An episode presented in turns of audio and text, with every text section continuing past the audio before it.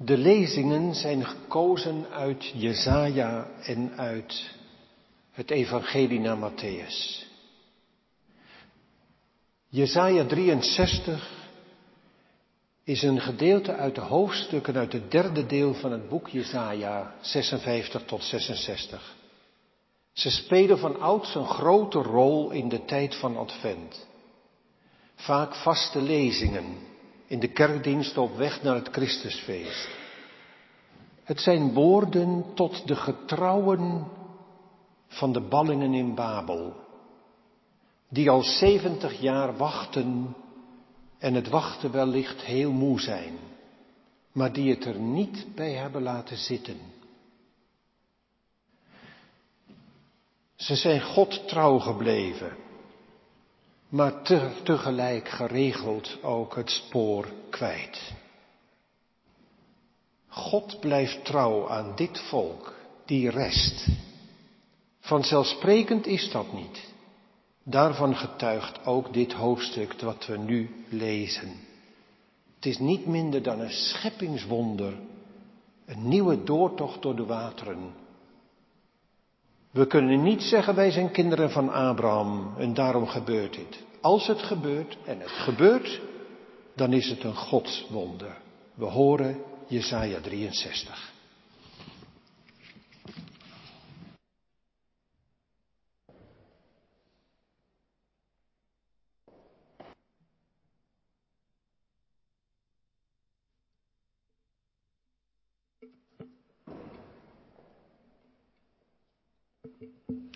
We openen de Bijbel. En lezen, zoals gezegd, uit het Oude Testament Jesaja 63, de versen 7 tot en met 19. Ik zal de liefde van de Heer gedenken en zijn roemrijke daden bezingen. Alles wat de Heer voor ons heeft gedaan, de goedheid die hij het volk van Israël bewees in zijn ontferming en onbegrensde liefde. Hij zei, natuurlijk, het is mijn volk. Mijn kinderen zijn te vertrouwen. Daarom wilde hij hun redder zijn. In al hun nood was ook hij zelf in nood. Zij werden gered door de engel van zijn tegenwoordigheid. In zijn liefde en mededogen heeft hij hen zelf verlost. Hij tilde hen op en heeft hen gedragen, alle jaren door. Maar zij zijn in opstand gekomen en hebben zijn Heilige Geest gekrenkt. Daarom werd hij hun tot vijand en bond hij de strijd met hen aan. Toen dacht hij aan de dagen van weleer, aan Mozes en zijn volk. Waar is hij die zijn volk door de zee voerde? Waar zijn de herders van zijn kudde? Waar is hij die hen bezielde met zijn heilige geest? Die Mozes terzijde stond met zijn luisterrijke arm, die voor hen het water kliefde om zich een eeuwige naam te verwerven die hen door de diepte leidde als paarden door de woestijn, zonder dat ze struikelden, als vee dat afdaalt naar het dal. Het was de geest van de Heer die hun rust gaf. Ja, u hebt zelf uw volk geleid om u een luisterrijke naam te verwerven. Zie neer vanuit de hemel, kijk vanuit uw heilige luisterrijke woning. Waar zijn uw strijdlust en uw machtige daden? U bent niet meer met mij begaan. Uw ontferming gaat aan mij voorbij. U bent toch onze vader? Abraham heeft ons niet gekend en Israël zou ons niet herkennen, maar u, Heer, bent onze vader. Van oudsher heet u onze beschermer. Waarom, Heer, liet u ons afdwalen van uw wegen? Waarom hebt u ons onbuigzaam gemaakt, zodat wij geen ontzag meer voor u hadden? Keer toch terug, omwille van uw dienaren, van de stammen die u toebehoren. Sinds kort hebben onze vijanden uw heilig volk in hun macht gekregen en uw heiligdom vertrapt. Het is alsof u nooit over ons hebt geheerst, alsof uw naam nooit over ons is uitgeroepen. Tweede lezing is uit het Evangelie naar Matthäus het kerstevangelie in één zin. De nadruk ligt op de wording van Jezus het kind. Wie is Hij? Waar komt Hij vandaan? Wanneer we dit gedeelte horen, is het goed om dit te bedenken. Een huwelijk kwam in die tijd tot stand door een date van de ouders, van de man en het meisje. Ik formuleer bewust zo. Stel u voor een groot leeftijdsverschil. Maria is 13, 14 jaar oud. Was de verloving een beklonken feit, dan golden zij als gehuwd, ook al hadden ze elkaar mogelijk nog nooit gezien. Dus blijkt Maria vervolgens zwanger, dan is er maar één conclusie, overspel. Maakt Jozef daar een openbare zitting van, van het recht, dan zijn de consequenties verschrikkelijk voor Maria. Doodstraf door steniging. De evangelist Matthäus vertelt hoe het anders ging. Zijn hoorders, lezers, vroegchristelijke gemeente, ze kennen het verhaal, daarom helemaal niet veel toelichting, maar door het getuigenis en de pen van Matthäus wordt het verkondiging waar wij nog steeds van leven. We horen de lezing. We lezen uit Matthäus 1, de versen 18 tot en met 25. De afkomst van Jezus Christus was als volgt. Toen zijn moeder Maria al was uitgehuwelijkt aan Jozef, maar nog niet bij hem woonde, bleek ze zwanger te zijn door de Heilige Geest. Haar man Jozef, die een rechtschapen mens was, wilde haar niet in opspraak brengen en dacht erover haar in het geheim te verstoten. Toen hij dit overwoog, verscheen hem in een droom een engel van de Heer. De engel zei, Jozef, zoon van David, wees niet bang je vrouw Maria bij je te nemen, want het kind dat ze draagt is verwekt door de Heilige Geest. Ze zal een zoon baren. Geef hem de naam Jezus, want hij zal zijn volk bevrijden van hun zonden. Dit alles is gebeurd opdat in vervulling zou gaan wat bij monden van de profeet door de Heer is gezegd.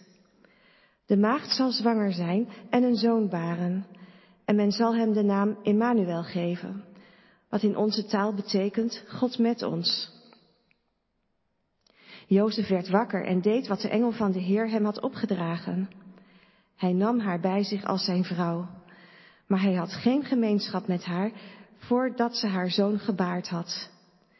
En hij gaf hem de naam Jezus. Zo luidt het woord van de Heer. Lof zij u Christus in eeuwigheid. Amen.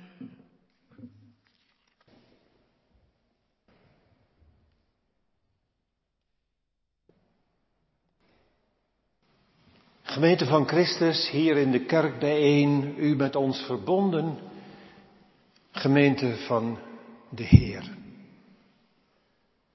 Korter kunnen we het kerstevangelie niet samenvatten dan in de naam die Jozef uitroept. Jezus, Joshua, redder. En zoals hij heet, zo zal hij wezen. Redder, zaligmaker. Hij zal zijn volk redden van hun zonden. Korter kunnen we het niet zeggen. En vertrouwder kunnen we het niet krijgen, denkt u misschien. Zeker de 50-plussers onder ons die uit een orthodox kerkelijke achtergrond komen en opgegroeid zijn met de verhalen en de catechisaties, die kunnen dit wel dromen. Jezus is gestorven voor onze zonden. Dus wanneer de engel, de boodschapper van boven, wanneer die tegen Jozef zegt, je moet zijn naam roepen Jezus, want hij zal zijn volk redden van hun zonden, dan is dat helder. Bekende taal. Niet echt nieuws. Denkt u misschien.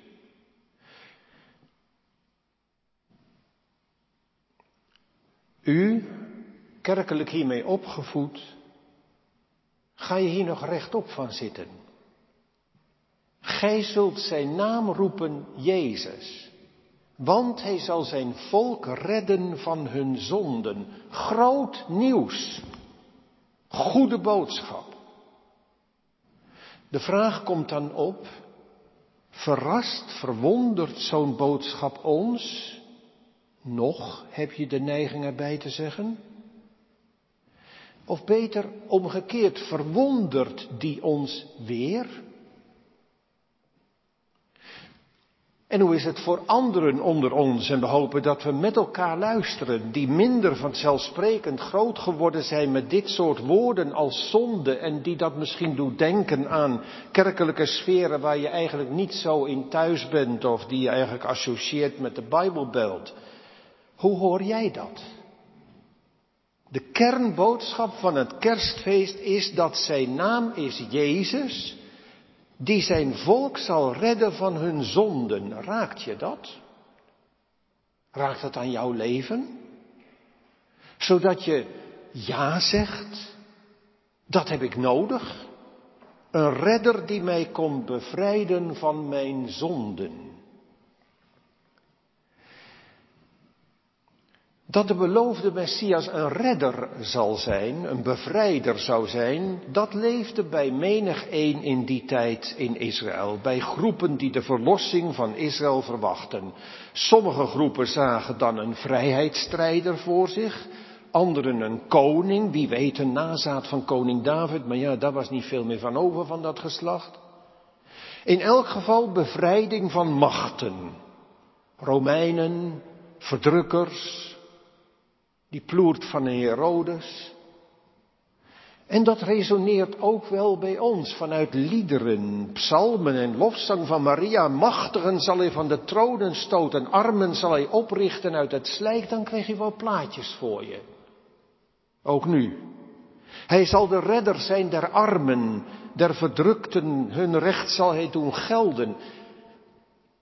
En dan zien we ook beelden uit het evangelie voor ons. Beelden en verhalen over Jezus die zich ontfermt over armen, die hen voedt met brood, die de nood van mensen, zieken, gestoorden, verminkten, kromgebogenen onder de last van het leven op zich nam. Verhalen van bevrijding van mensen uit de macht van boze geesten. Prachtig, daar ben je blij van. Wanneer je het voor je ziet. Maar je zult zijn naam roepen, Jezus, want hij zal zijn volk redden van hun zonden. Dat is het bij Matthäus in één zin, kerst. Ja. Wat zeggen wij dan als deze tekst tot ons komt? Zetten we die op de kerstkaart die we versturen? Zouden we dat doen om die te verzenden naar onze vrienden en verwanten? En wat zouden we dan zeggen wanneer die zouden vragen, wat bedoel je daarmee? Wat betekent dat dan voor je? Nou, voor die eerste hoorders was dat kennelijk niet nodig om het nader te verklaren. Doet Matthäus ook niet. Het viel kennelijk als een goed zaad, een vreugdevolle boodschap in een vruchtbare bodem. Niet bij iedereen, dat blijkt wel verderop in het evangelie. Er waren er ook die zich verschrikkelijk ergerden aan die boodschap. En die vonden dat dat helemaal niet kon. Maar er was een volk dat daarvan opleefde. En wat maakte dat nou voor hen tot evangelie? Zie, ik verkondig uw grote blijdschap, die heet het volk zal ten deel vallen, namelijk dat u heden geboren is, de redder, die zijn volk zal redden van hun zonden, hun zonden. Voor de lezers van het Matthäus-evangelie kennelijk geen vraag waar het over gaat en dat het over hen gaat. Zonden hebben met God te maken.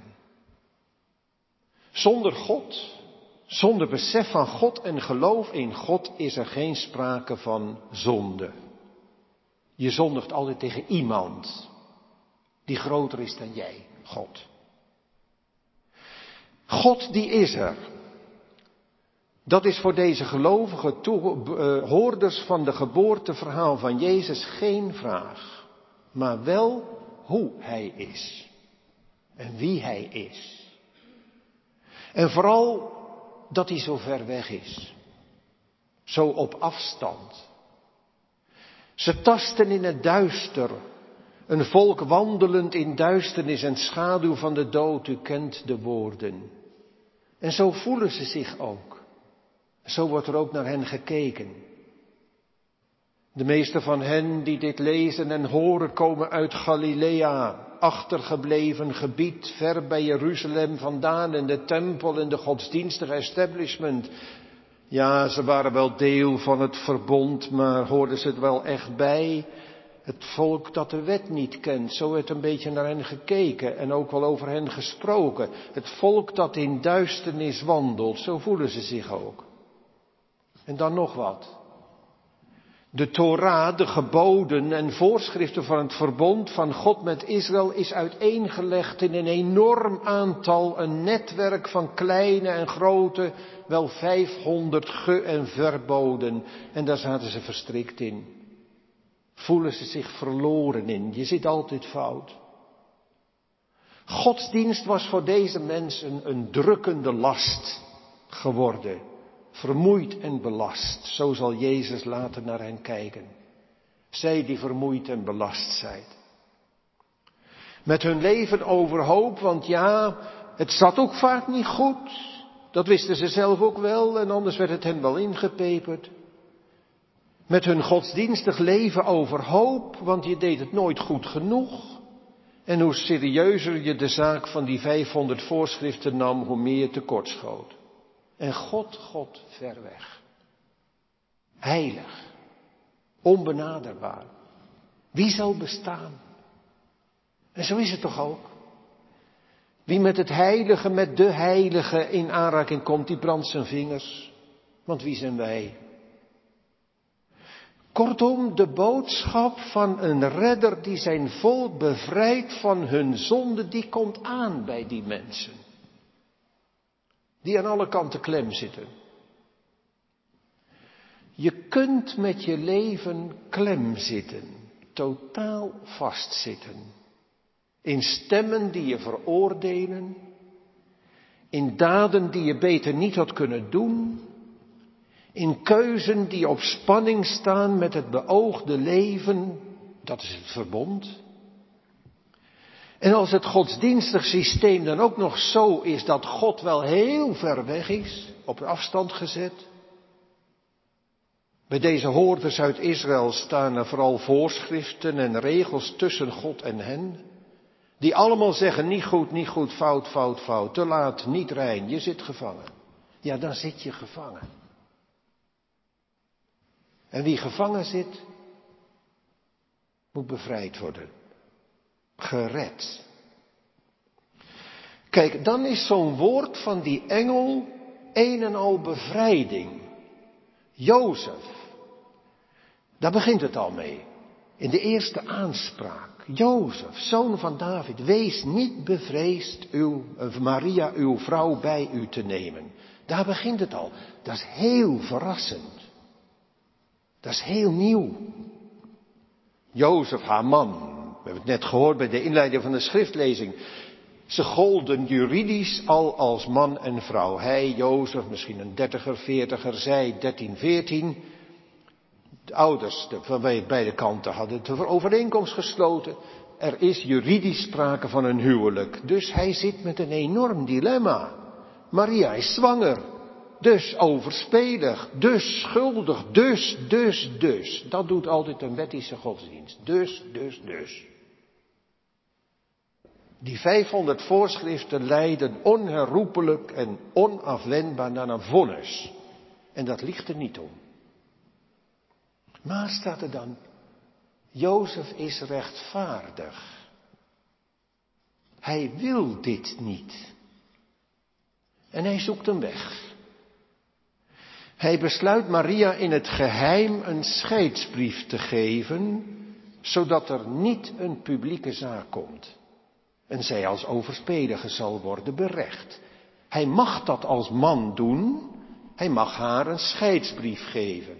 Dan is ze in principe vrij om als ongehuwde moeder, dat was ook niet niks, maar toch om als ongehuwde moeder een weg te zoeken. Jozef wil haar verlaten. Dat is niet zoiets als in de stiekem in de steek laten. Om zijn eigen straatje schoon te vegen. Nee, Hetzelfde woord, verlaten, haar verlaten, wordt later gebruikt voor het woord vergeven. Mensen losmaken van wat hen bindt. Bevrijden van kwaad, van een lode last die hen verpletteren kan. Dat woord wordt hier ook gebruikt. Hij wil haar loslaten, haar ruimte geven om toch een toekomst in te gaan. En zo wordt hij aangesproken. En deze Jozef wordt dan aangesproken om nog een stap verder te gaan en Maria in huis te nemen. Dat was wat. Want wat in haar ontvangen is, is uit de Heilige Geest. Is niet een ongelukje. Zij zal een zoon baren en u zult zijn naam Jezus geven, want hij zal zijn volk redden van hun zonden. Redden, bevrijden uit een macht die ons te sterk is. Die kluwen van oordeel, veroordeling, kwaad dat je doet, dat je te sterk is. Nou, zo zullen mensen Jezus later ervaren.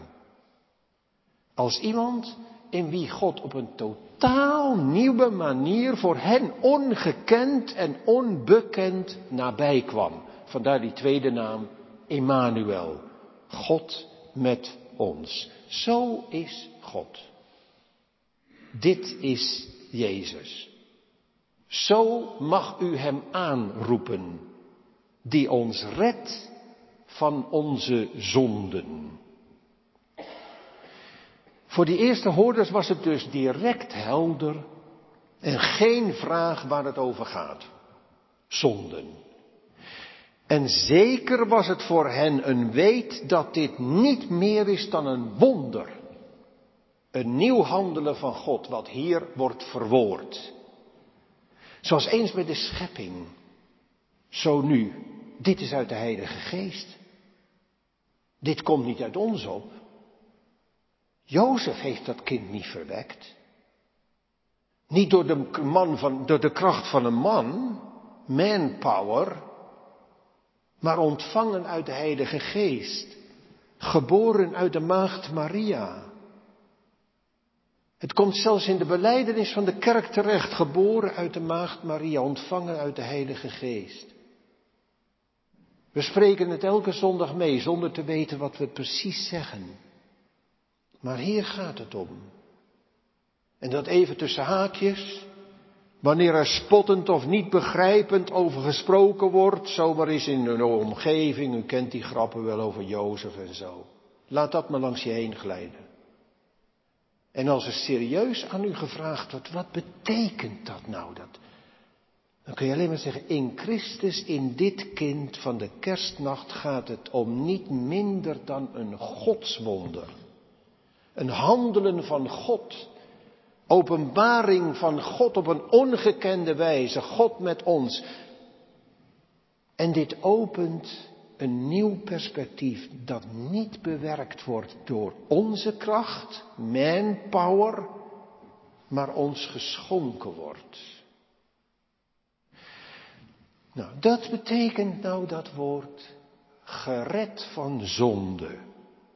Zonde is alles wat ons bindt, in de tang houdt.